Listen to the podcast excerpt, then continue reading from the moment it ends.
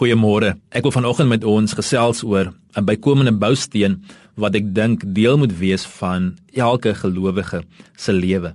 Ons is besig om te kyk na wat maak ons as 'n huis van God? Wat maak ons 'n huis van God? Wat maak ons 'n tempel van die Here? Ehm um, nie net enige ander huis nie, maar 'n huis van God wat bietjie anders is as enige ander huis wat ons om ons sal vind. En hierdie boustene waaroor ons besig is om te gesels, wil ek sommer maar net weer beklemtoon. Ek glo nie dit is vir superchristene, vir mense wat voltydse bediening staan nie, maar dat dit deel behoort te wees van die normale Christelike lewe. En 'n bousteen wat onontbeerlik is, is die bousteen wat ons in ons lewens moet inbou van 'n liefde vir God se woord. Daar's 'n paar aspekte waarna ons baie vinnig wil wil aanraak. Johannes 1 vers 14 sê die volgende: Die woord het vlees geword en het onder ons gewoon en ons het sy heerlikheid aanskou. 'n heerlikheid soos van die enige geborene wat van die Vader kom vol van genade en waarheid. En hierdie is die realiteit natuurlik dat wanneer ons as Christene praat van die woord van God dan praat ons nie net van woorde op papier nie maar ons praat hier van 'n lewendige verhouding met 'n lewendige God Jesus Christus wat die woord geword het in die vlees.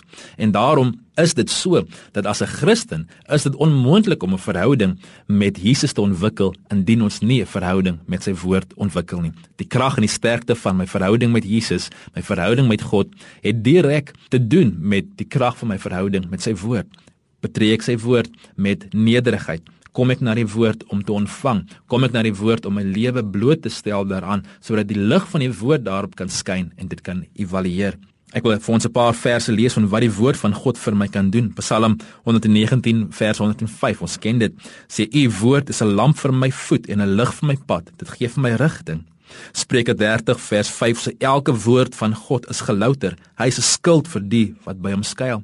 Die woord van God laat my hart in vrede en rustigheid rus, wetende ongeag van my omstandighede is God my skild. God is my panser. Ek hoef nie gegooi te word deur my omstandighede nie. Ek hoef nie geïntimideer te word deur my omstandighede by die huis of by die werk nie. Die woord van God rig my gemoed. Maar dit gaan slegs die realiteit wees indien ek dit inbou in my lewe, doelgerig. Psalm 107 vers 20 sê dat God het sy woord uitgestuur dat hy hulle kon gesond maak en hulle uit hulle kuile kan red. Die woord van God is genesing vir my siel, genesing vir my gedagtes, genesing vir my liggaam, genesing vir my verhoudinge, genesing vir my totale wese. Daar's lewe en daar's krag in die woord van God. Efesiërs 6 vers 17 sê die swaard van die gees, dit is die woord van God.